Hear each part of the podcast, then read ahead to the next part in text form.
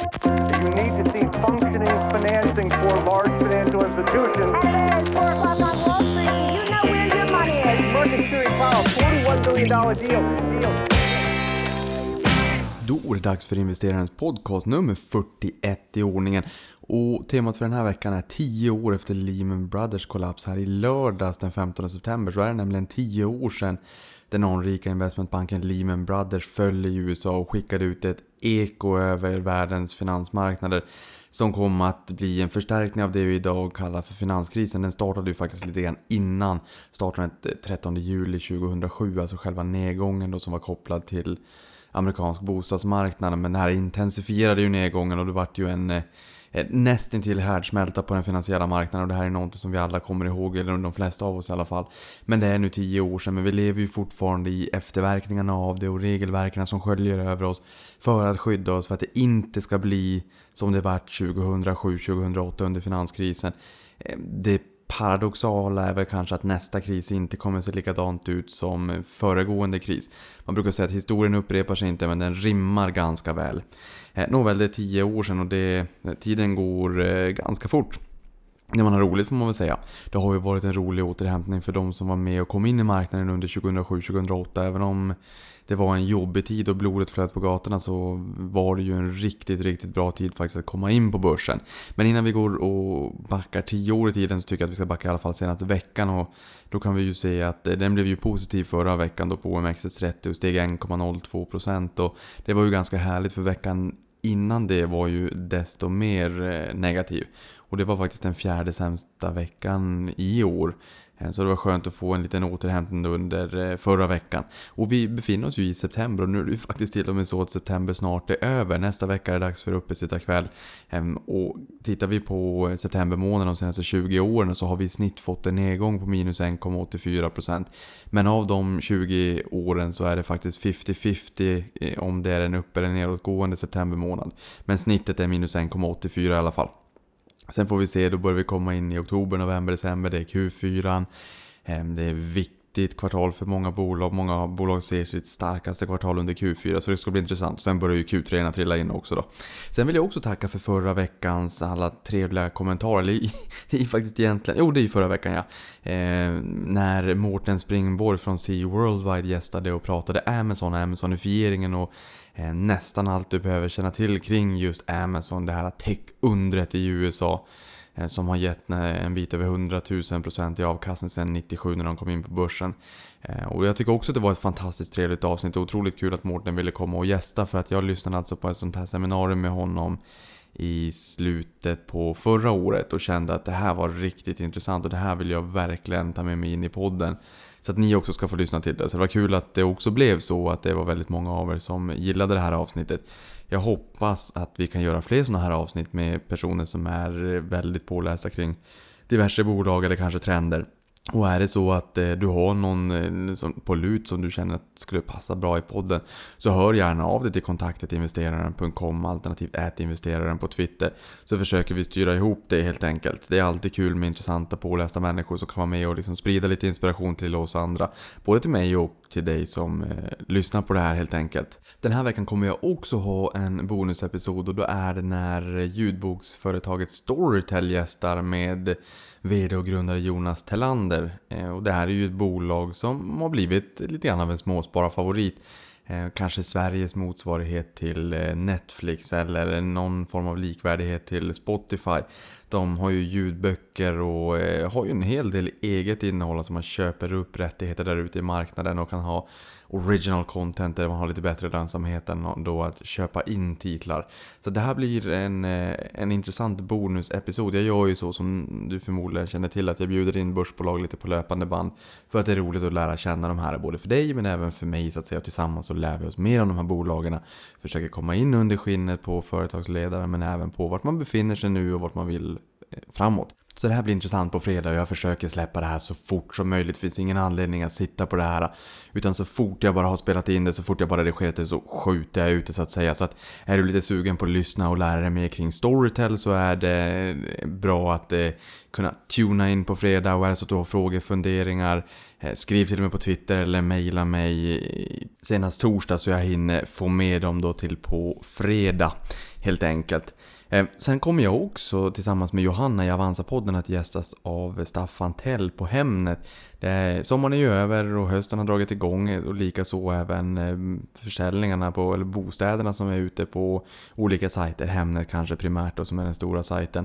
Det där Staffan då också kommer ifrån så att säga. Så vi kan kika lite grann på statistiken, på liksom lite tips och tricks och hur man ska tänka och sådär. Ehm, så att även där hoppas jag att du kanske som går i köp eller säljtankar kan få med dig lite grann kring den podden. Så då är det bara att kika in på Avanza-podden, den släpper vi ju på torsdagar. Men hörni, i lördags var det 10 år sedan Lehman Brothers kollaps, alltså 15 september 2008 föll den. Nu passerade vi alltså 15 september 2018. Ehm, och det här var ju någonting som egentligen nästintill skapade en, en, systemkollaps på de globala finansiella marknaderna. Så nära en eh, global härdsmälta har vi nog inte varit i modern tid. Och många pratade ju om det här som att det skulle kunna bli den nya depressionen som vi hade på 30-talet. Och det såg vi ju också i och med finanskrisen att vi fick en väldigt kraftig realekonomisk påverkan. Men recessioner kan man ju få till och från. Alltså två påföljande kvartal med negativ BNP-tillväxt brukar man ju definiera som en recession. Men får man en depression så är det ju en riktigt allvarlig nedgång. Riktigt så jobbigt blev det ju inte under finanskrisen men det blev eh, väldigt jobbigt får vi ju säga. Och man brukar ju säga att man kanske ska köpa aktier när blodet flyter på gatorna och det gjorde det minst sagt under Eh, finanskrisen och när Lehman föll. Ändå så är det faktiskt så här att den började ju inte med Lehman utan eh, nedgången hade ju börjat eh, en lång bit dessförinnan, alltså 13 juli 2007. Och Lehman föll 15 september 2008, så det var ju över ett år senare. Men det här är ju en, eller var ju en anrik investmentbank som var ordentligt stor, en av världens största investmentbanker. Eh, och balansomslutningen var 691 miljarder dollar så att det är strax över 6000 miljarder svenska kronor. Och balansomslutningen det är alltså de totala tillgångarna oavsett hur de är finansierade. Så är det så att du har en bil och en bostad och lite bohag och allt möjligt vad än är så tittar man ju på det totala värdet. Man bryr sig inte om hur de är finansierade, alltså om bostaden är finansierad med eget kapital eller en kontantinsats eller lån eller en kombination av de två. Utan man tittar bara på vad är de totala tillgångarna värda. Det är för att när Lehman föll, ja då fick ju aktieägarna ta stryk eftersom att det egna kapitalet rök ju. Men sen fick ju även eh, långivarna ta eh, rätt mycket stryk också eftersom att bolaget kollapsade. Det fanns ju inte riktigt lika mycket värde kvar i bolaget för att täcka eh, det som långivarna hade lånat ut för att de skulle få tillbaka sina pengar. Så det här vart ju den största konkursen i amerikansk historia. Så det är en av ganska stor dignitet egentligen. Ehm, och det är någonting som vi kommer ihåg än idag då. Och, menar, många säger ju liksom att men när kommer den nya krisen och sådär.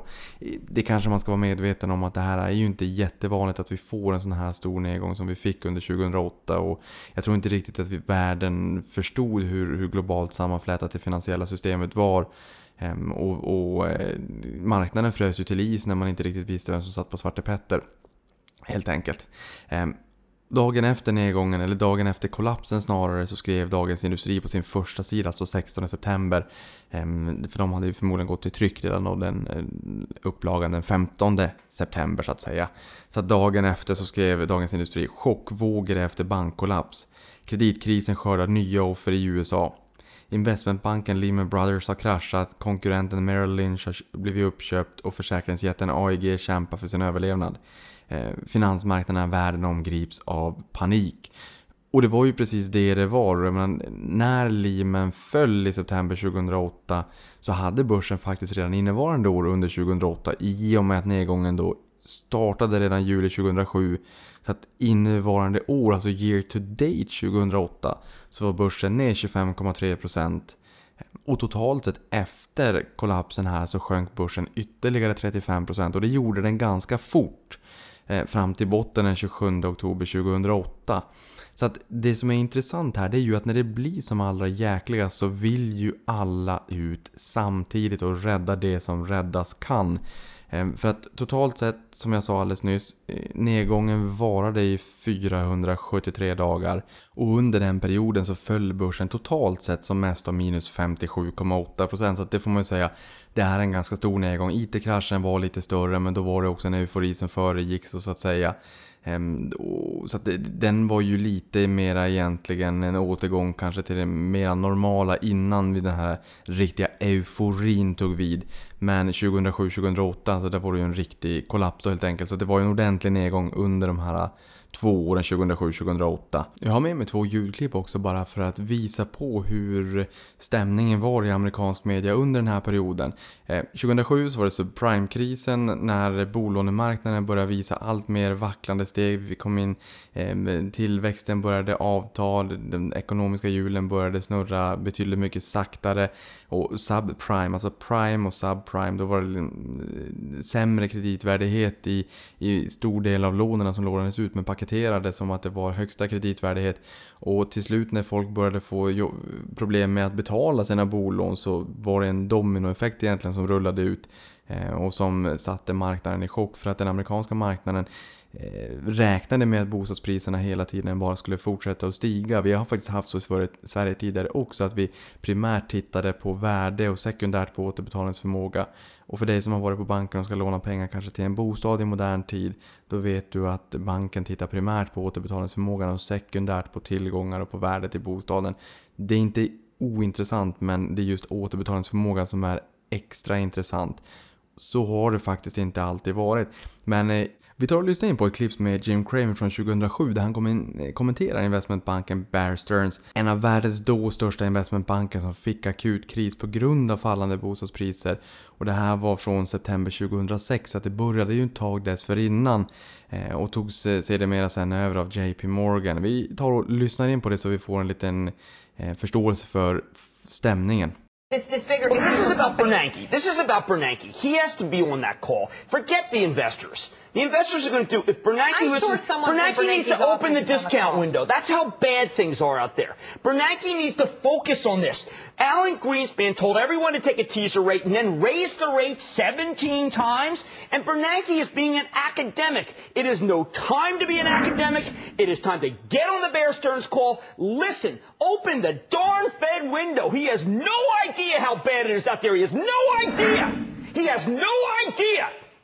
Kramer. I have talked to the heads of almost every single one of these firms in the last 72 hours, and he has no idea what it's like out there. None!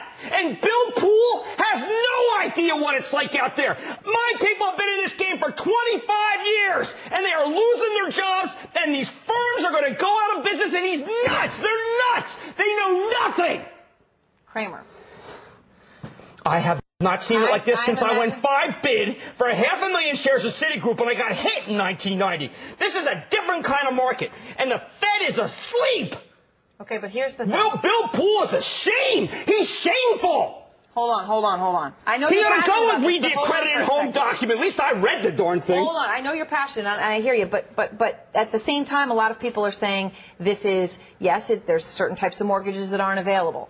There are s- there are all sorts of issues. loan but to go out rich and like say, me. But Kramer, but Kramer, if he did what you said, which seems to me from the way Cut you the just explained discount window. yourself, Cut it. Cut the rate. Open the discount window. Okay, Cut the rate. if he comes Relieve out the next pressure. week and cuts rates, Relieve the pressure. you're going to have that's going to cause Armageddon. No, we have Armageddon. I wouldn't try to cause it. We get, we have Armageddon in the fixed income markets. We have Armageddon. No, but that's not We what they have say. Armageddon. They say even when you when I've talked to a couple If they bank cut CEOs, they the don't say it's Armageddon. Well, who they I- say it's repricing. They're very firm about Oh, that. Even great. Now. Okay, well, let them be calm and then have them call me on the way home like they do every night and tell me, Kramer, what are you going to do about it? Are you going to help us? Are you going to help us? Are you going to stand on the sideline like everybody else and say that it's fine?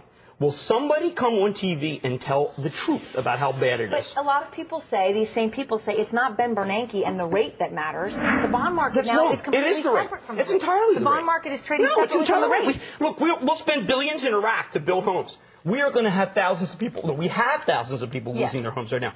14 million people took a mortgage in the last three years. 7 million of them took teaser rates or took piggyback rates. Mm-hmm. They will lose their homes. This is crazy. Yes. I am And- sorry to be upset about it, but you have to understand what they're saying to me off the record before I come in here every night and every day, and what I hear from these blowhard managers who act like call someone for heaven's sake. Go call someone. I worked at fixed income at Goldman Sachs. This is not the time to be complacent.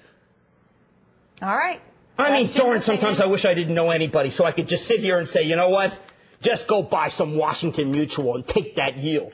Unfortunately, I know too many people and I'm too darn old. Där hade vi en ganska upprörd Kramer. Sen så eh, ungefär ehm, ett år senare så fick vi då Lehman Brothers också som är poängen och, temat för den här podden. Och där lyssnade vi in också lite grann hur amerikansk media pratade om det här när vi nåddes av chockbeskedet av att en av världens största investmentbanker då hade fallit, alltså inte blivit räddade av amerikanska staten som jag tror att väldigt många förväntade sig skulle ske. Men när de valde att eh, fälla eh, banken då, jag menar i Sverige har vi hört ofta too big to fail. Här lät man den fallera helt enkelt och sen så eh, effekterna av det har vi ju fått se i princip ett årtionde därefter. Men vi lyssnar innan lite media och får en känsla för hur man pratade om precis under kollapsen. Lehman Brothers suffering a spectacular downfall. Its stock at one point this year sold for $67 a share. Right now it's trading at just $3.65 a share. CNN's Alan Chernoff joins us now with a closer look at what it means for your money. He's live outside of Lehman Brothers headquarters in New York. And Alan, that's where we saw those pictures um, all morning long of people yesterday literally packing up their life's work and, uh, and carrying it out in a box. Sharon, this is absolutely stunning. Wall Street has seen very, very few days like this. The mortgage crisis has now taken down two of the biggest names, the most storied names on Wall Street. One of them, Lehman Brothers, right behind me, the parent company of Lehman Brothers, filing for bankruptcy as the subsidiaries basically wind down or Lehman tries to sell them off. In addition, huge, huge news beyond Lehman Brothers, which is not the biggest shock this morning, by the way. Merrill Lynch selling itself to Bank of America. Alan Chernoff for us down there uh, out front of Lehman Brothers this morning. Thanks for being with us. You know, Jag kan komma ihåg själv också, jag var blott 21 år gammal när det här hände och var ju otroligt aktieintresserad även då, bodde uppe i Boden. Eh, och en av de största eh, grejerna jag kommer ihåg var väl att humöret kanske svängde lite grann som börsutvecklingen då. Det var svängningar på börsen som nog många idag inte riktigt är vana vid. Vi har ju haft ganska små svängningar de senaste åren men där var det ju ordentligt stora svängningar och det var ju mest åt ett håll och det var ju rakt ner i källan. Men eh, det till trots så tog jag mitt pick och pack och begärde mig ner till Stockholm för en karriär i finansbranschen på Avanza. Så det är ju tioårsjubileum nu, eh, så på gott och ont. Och det, det kan ju vara bra så tillvida att det kan vara vettigt att komma ihåg också att börsen faktiskt kan gå ner. För att vi har ju haft en ganska lång tid av uppåtgående marknad, av uppåtgående börs. Men börsen går ju i cykler och riktigt hur den cykeln ser ut idag, ja men det vet vi inte riktigt. Eh, vi har aldrig haft negativ ränta, vi har, ser ett USA som bjuder på en skattereform, den största skattereformen på 30 år, som kanske också kan förlänga cykeln. Men sen ser vi också risker för en eh, global handelskonflikt som kan bli ett handelskrig som skulle kunna sänka eh, både handeln och eh, BNP-tillväxten globalt som tidigare har varit synkroniserad som nu har blivit lite grann ja, motsatsen till, till synkroniserad. Vi ser tillväxtmarknaden som har börjat få det jobbigt både på grund av att dollarn har stärkts och även att Federal Reserve har höjt, höjt räntan i USA också och många länder har lånat i utländsk valuta, primärt dollar då. Vilket har gjort att det har blivit väldigt jobbigt så att eh, många tillväxtmarknader befinner sig i bear markets nu, alltså en nedgång på minst 20% från toppen. Så att just den här synkroniserade tillväxten vi pratade om lite tidigare under året är ju inte eh, riktigt lika synkroniserad eh, just nu. Men kikar vi på de bolagen som föll allra mest under finanskrisen, jag tror att vissa av er har sett det här, vissa av er vet ungefär hur mycket bolagen föll. Ehm, men för er som inte vet det så kan vi säga att large cap, alltså börsbolag som har ett börsvärde på minst en miljard euro. Där såg vi Boliden falla allra mest. De hade jumboplatsen och det är ju kanske inte så konstigt för det är ju ett cykliskt bolag. Ehm, de föll 89%. Ehm, JM, byggbolaget, bostadsutvecklarna som har haft jobbet på senare tid också. Då brukar man säga att det är derivat på Stockholms bostadsmarknad. Stor del Stockholm föll 84% och eh, Nobia föll 82%. Eh, tittar vi på midcap då, 150 miljoner euro upp till en, en miljard euro. Så att eh, midcap-segmentet. Där var Black Pearl Resources föll 90%, New Wave Group föll 86% och Research föll 86% även de då. Och sen har vi small cap, de lite mindre bolagen. Det var R&B minus 94%, VRG minus 98 och Image Systems minus 87. Så det här var ju enorma nedgångar på marknaden. Eh, och mig veterligen så finns ju faktiskt alla de här bolagen kvar ett årtionde senare. Så det är ju i och för sig ett gott betyg då. Eh, men eh, hur ska man då tänka i kristider? Jag menar, de här tiderna kommer ju till och från. Vi kommer aldrig komma ifrån att det ibland blir sämre tider på börsen. Men jag vill ändå vända mig emot den generella uppfattningen om man tittar på Facebook-forum och allt vad det kan tänkas vara. Att vi ska få en krasch och när får vi nästa krasch? Det är ganska ovanligt med krascher. Ehm, jag har sagt det många gånger tidigare men vi har sett två gånger de senaste hundra åren där vi har fått eh, 50-procentiga nedgångar under ett enskilt år. Eh, IT-kraschen och finanskrisen var eh, 60-70% de två på ett ungefär. Eh, och då hade vi ju IT-kraschen då från 2000 till 2002 och finanskrisen 2007-2008 så det löpte över flera kalenderår men likväl från topp till botten så var det ganska stora nedgångar. Ehm, men det är inte jättevanligt att man får så här stora nedgångar. Eh, vi såg det även under eh, 27 april 2015 till 27 juni 2016 hade vi en nedgång på 28% så nästan 30%. Så visst det händer ju men det är inte jättevanligt och det är nog vanligare att vi får en liten halsfluss och lägger oss under täcke och kudde ett tag för att sen pinna på uppåt igen och bull market är börsens normaltillstånd över tid. Men ibland blir det lite sämre tider men just det här att ligga eh, svävande mellan liv och död på akuten, nej det är inte speciellt vanligt. Inte så vanligt som vissa verkar tro i alla fall. Men det man kanske ska komma ihåg det är ju att en börskrasch förmodligen är det bästa som kan hända en investerare. Eh, för den som är i tidig fas av investerarkarriären. För den som är lite mera i mittenfas eller kanske egentligen i slutfasen och behöver pengarna i närtid. Eh, för att kanske gå i pension och kunna få en guldkant på tillvaron. De pengarna bör inte riktigt vara exponerade för börsen. För att just de starkaste kriserna, de är väl förmodligen de som ingen egentligen har räknat med. Så det spelar ingen roll hur många tidningsartiklar du läser om vilka som kommer vara de nästa skälen till, en, till nästa kris. Eh, den största krisen som blir mest eh, otäck är förmodligen den som ingen riktigt har kunnat räkna med. Men där man i efterhand säger att jo men vi såg ju tecknen, det är väl klart att vi borde ha förstått det här. Men vi gjorde inte riktigt det. Eh, så att jag tror att rätt pengar på rätt plats. Ehm, är det så att man är tidig i sin karriär, det är helt perfekt ifall börsen kan gå ner ganska mycket för att då kommer man in till en väldigt billig peng. Är det så att man behöver pengarna i närtid eller kanske till en kontantinsats eller vad kan tänkas vara, de pengarna ska inte vara på börsen. Sen börsens P tal på Stockholmsbörsen var omkring 8 gånger, alltså ett P tal på 8 gånger när det var som mest nedtryckt under finanskrisen och tunga investerare i USA var ute i olika intervjuer i media och sa att det här förmodligen var det bästa köpläget i en generation. Och så blev det också. Eh, från toppen till botten så sjönk vinsten per aktie i USA bland de amerikanska bolagen med 43%. Och bara för att ge en kontext på det så föll vinsterna med 23% under IT-kraschen. Så det var ju en, en, ett enormt vinstfall bland de här bolagen. Eh, och det blir ju lite grann som en badboll som jag har sagt många gånger tidigare också. Trycker du ner en badboll till botten på en pool, ja när du släpper den så kommer den eh, hoppa upp och över vattenytan och hoppa upp lite grann.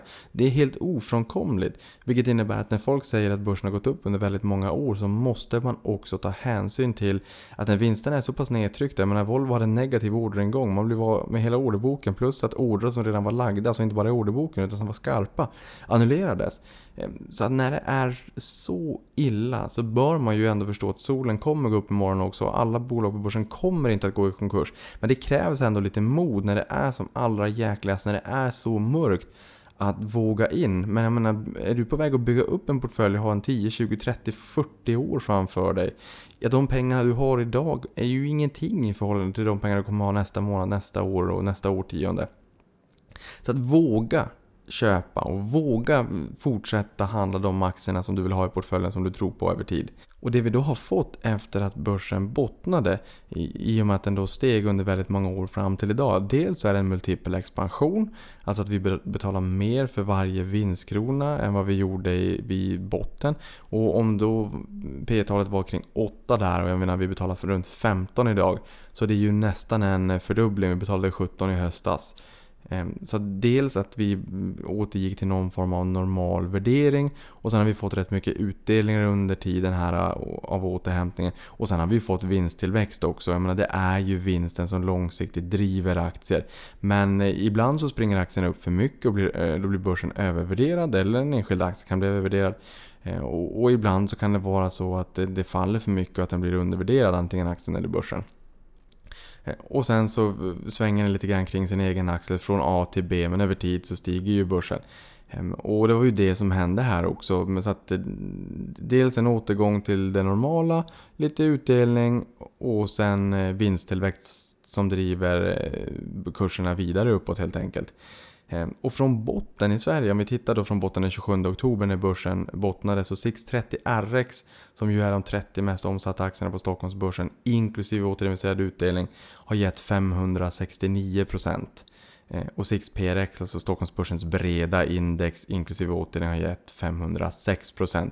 Vilket för 630 RX blir 20,93% om året och för eh, Six PRX 19,74% så det är ju en fenomenal uppgång. Och det här är alltså per år sen botten. Och det är ju det jag menar också att om man köper riktigt när det gör som jävligast, som, eller som ondast så att säga så blir de affärerna oftast allra bäst. Och de som kom in under den här perioden har gjort en fantastisk resa.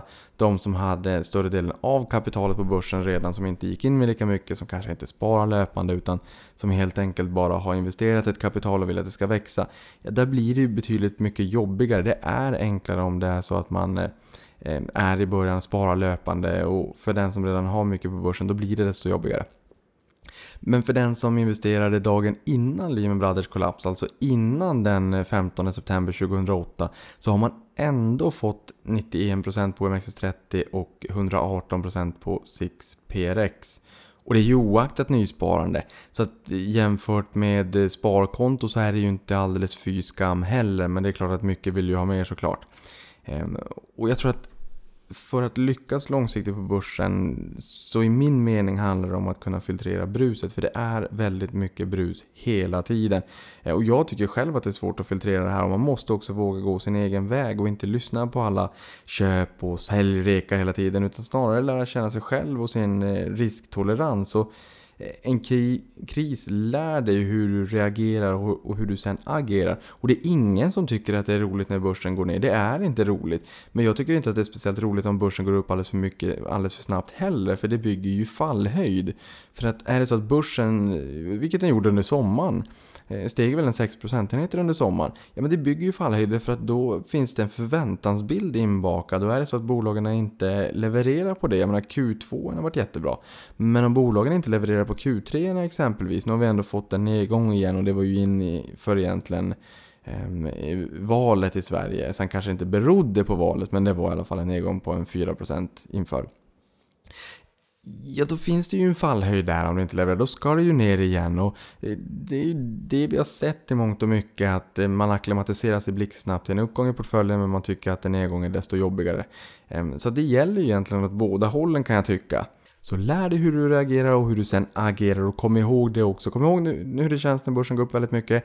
Kapsla in och ta fram den känslan när börsen går ner väldigt mycket och kom ihåg att det, det går i cykler helt enkelt.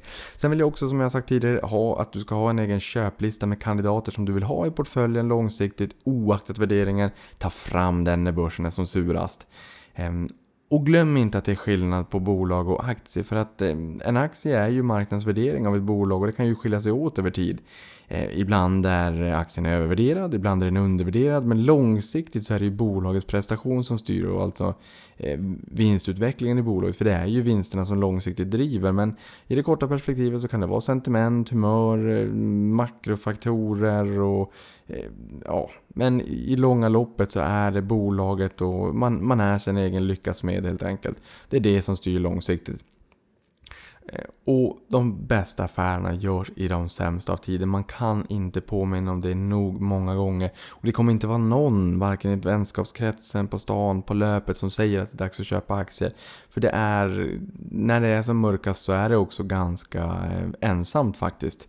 Ehm, och det till trots, så, som jag har varit in på börskrascher, är ganska ovanligt. Men eh, vartannat år i USA sedan 1980 har ju bjudit på en korrektion, alltså en nedgång på minst 10%. Eh, från toppen till botten. Det kan vara under ett enskilt år, sen kan ju börsen sluta upp ändå. Men eh, det brukar ju vara korrektioner, alltså rörelser under året. Och 10% tror jag att ändå ganska många tycker är eh, jobbigt. Men det gäller att komma ihåg att det där är inte speciellt ovanligt faktiskt. Eh, någonting annat som jag också tycker är viktigt att komma ihåg, det är ju att nedgångsfaserna är mycket, mycket snabbare än uppgångsfaserna. För när det börjar vända, när det börjar gå ner, då vill alla ut helt samtidigt. Men i uppgångsfas, då är man ju inte helt säker på om det har vänt, man vill liksom bli konfident, man vill vara säker på att det riktigt är en vändning på riktigt. Och ofta så behöver börsen gå upp ganska mycket innan stora massan vågas in. Och det gör ju att eh, man ofta missar uppgången, speciellt om man har sålt när det har gjort som allra ondast i magen. Så har man sålt och sen kanske det råkar visa sig att det är just på botten man sålde. Och det är ju inget roligt att komma efter eh, och ha sålt precis vid eh, fel tillfälle. Ehm, och börsen befann sig ju i nedgångsfas i 473 dagar. Men för den som då köpte på toppen precis innan vändningen. Eh, ja, det tog ju betydligt många, mycket längre tid innan man var på break-even plus minus noll. Om man inte hade satt in några nya pengar, om man inte hade sparat löpande. Eh, så kikar vi på OMXS30. Ja, då var man under vattenytan i 2360 dagar eller 6,46 år, så det är ganska lång tid. Får vi lägga till utdelningar där istället, då är det 1268 dagar eller 3,47 år. Så att bara genom att återinvestera utdelningen som man får eh, löpande och och köpa aktier när de var riktigt billiga under krisen har ju förkortat, ja i princip halverat nästan nedgångsperioden. Eh, och har man då sparat löpande utöver det eh, så har man förmodligen eh, fått en riktigt, riktigt hygglig utveckling faktiskt. Och efter finansiellt regn så kommer ju solsken också. Så att det, jag nämnde ju här alldeles nyss några bolag som gick ner riktigt mycket under nedgångsperioden. Men därefter, om någonting faller 50% så ska det ju upp 100% för att ta tillbaka sig igen. Eh, så kikar vi på large cap från 27 oktober fram till 17 september i år. Så ser vi att Hexpool upp 4161%, Sagax A 3588, eh, Balder B 3400, Lupe 1500, Nibe 1300, nu eh, är det lite överslag. Netten 1300, Boliden 1300, Hexagon 1200, eh, Midcap G5 9400, Hansa 8200, Cellavision 5100, eh, Small Cap har vi några stycken där, Medcap 1300, Wise Group 1200, CTT Systems 920, Microsystem 873. Poängen är att se att det, det har varit riktigt, riktigt stora uppgångar i de allra flesta av bolagen helt enkelt. Eh, och en intressant artikel jag läste i Dagens Industri från 16 september 2008 där då. Och där hittade jag en liten artikel om Hexagon och Hexagons VD Ola, Ola Rolén. Där han upprepade prognosen om att öka vinsten med 15%. Och menar att vi är visserligen inte immuna emot marknadens nedgång men vi tror ändå att vi kommer att kunna leverera det här. Och eh, om det är så att man blev betryggad av det uttalandet där, eller en liten, en liten artikel då kring Hexagon, så har man ju blivit rikligt belönad för där steg man ju 1219% egentligen sen bottennivån då helt enkelt. Så att, och det är det jag menar också med när börsen är som surast, har den där köplistan. Och där kanske det i sådana fall stod Hexagon eller kanske något annat bolagsnamn. Men att försöka ha den där listan ändå. Ehm, för det blir mycket enklare då att komma till skott just när eh, börsen är sur helt enkelt. Men hörni, nu är det dags för ett nyhetssvep. Och då kan vi säga att spelundret Fortnite som ägs av Epic Games nådde 23 miljoner eh, spelare de första 21 dagarna på Android. Så att eh, framgångarna för det här fantastiskt omätligt populära spelet fortsätter. Sen har vi högtalarbolaget Sonos som följer efter handeln efter att ha släppt sin första rapport som noterat bolag. Eh, och resultatet per aktie kom in eh, på minus 0,45 dollar per aktie mot konsensus minus 0,22. Eh, och aktien noterades ju i somras på 15 dollar per aktie och nu ligger den i 15,20 så att den ligger ganska flät egentligen sen kursen den kom in på börsen då. Sen har vi amerikanska Boeing som höjer prognosen för Kina-leveranser kommande 20 åren. Eh, Där tror man att man kommer leverera 7690 plan mot tidigare 7240. Och det som driver på behovet är ökad kinesisk medelklass.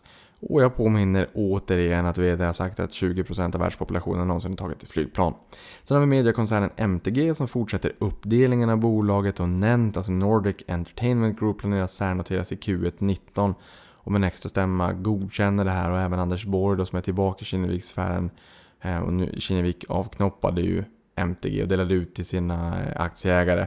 Eh, han föreslås då bli styrelseledamot i det här Nent Nordic Entertainment Group. Sen har vi Hongkongbörsen Hang Seng som föll in i en björnmarknad och befinner sig nu ungefär 25% lägre än i början på året. Eh, och nedgången i Tencent har ju bidragit starkt negativt också. Tencent är den största eh, i- vikten, eller största component i det här indexet och är ner 200 miljarder eh, US-dollar sedan början på året. Sen har vi Latour som ökar innehavet i Alimax som även då är bolagets största ägare och totalt köpte man 200 000 aktier eh, per 11 september då för 25 miljoner. Eh, och i slutet på augusti så hade man 28,9% av kapital och röster. Sen har vi spel, eller mobilspel som räknas stå för 76% av globala mobilappsintäkter i år.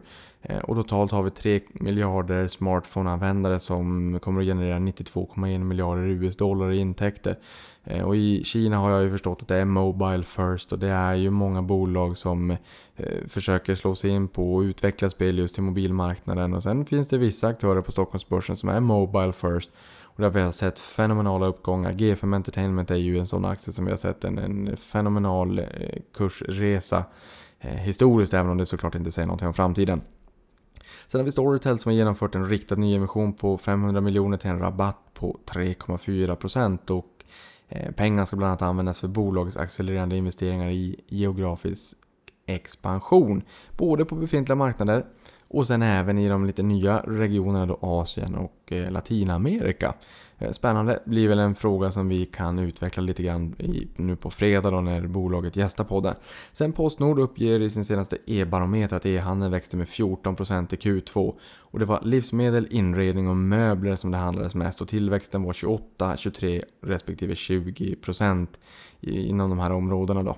Och sist men inte minst så att Nasdaq, eh, operatören till Stockholmsbörsen bland annat, lägger bud på Sinober om 75 kronor per aktie.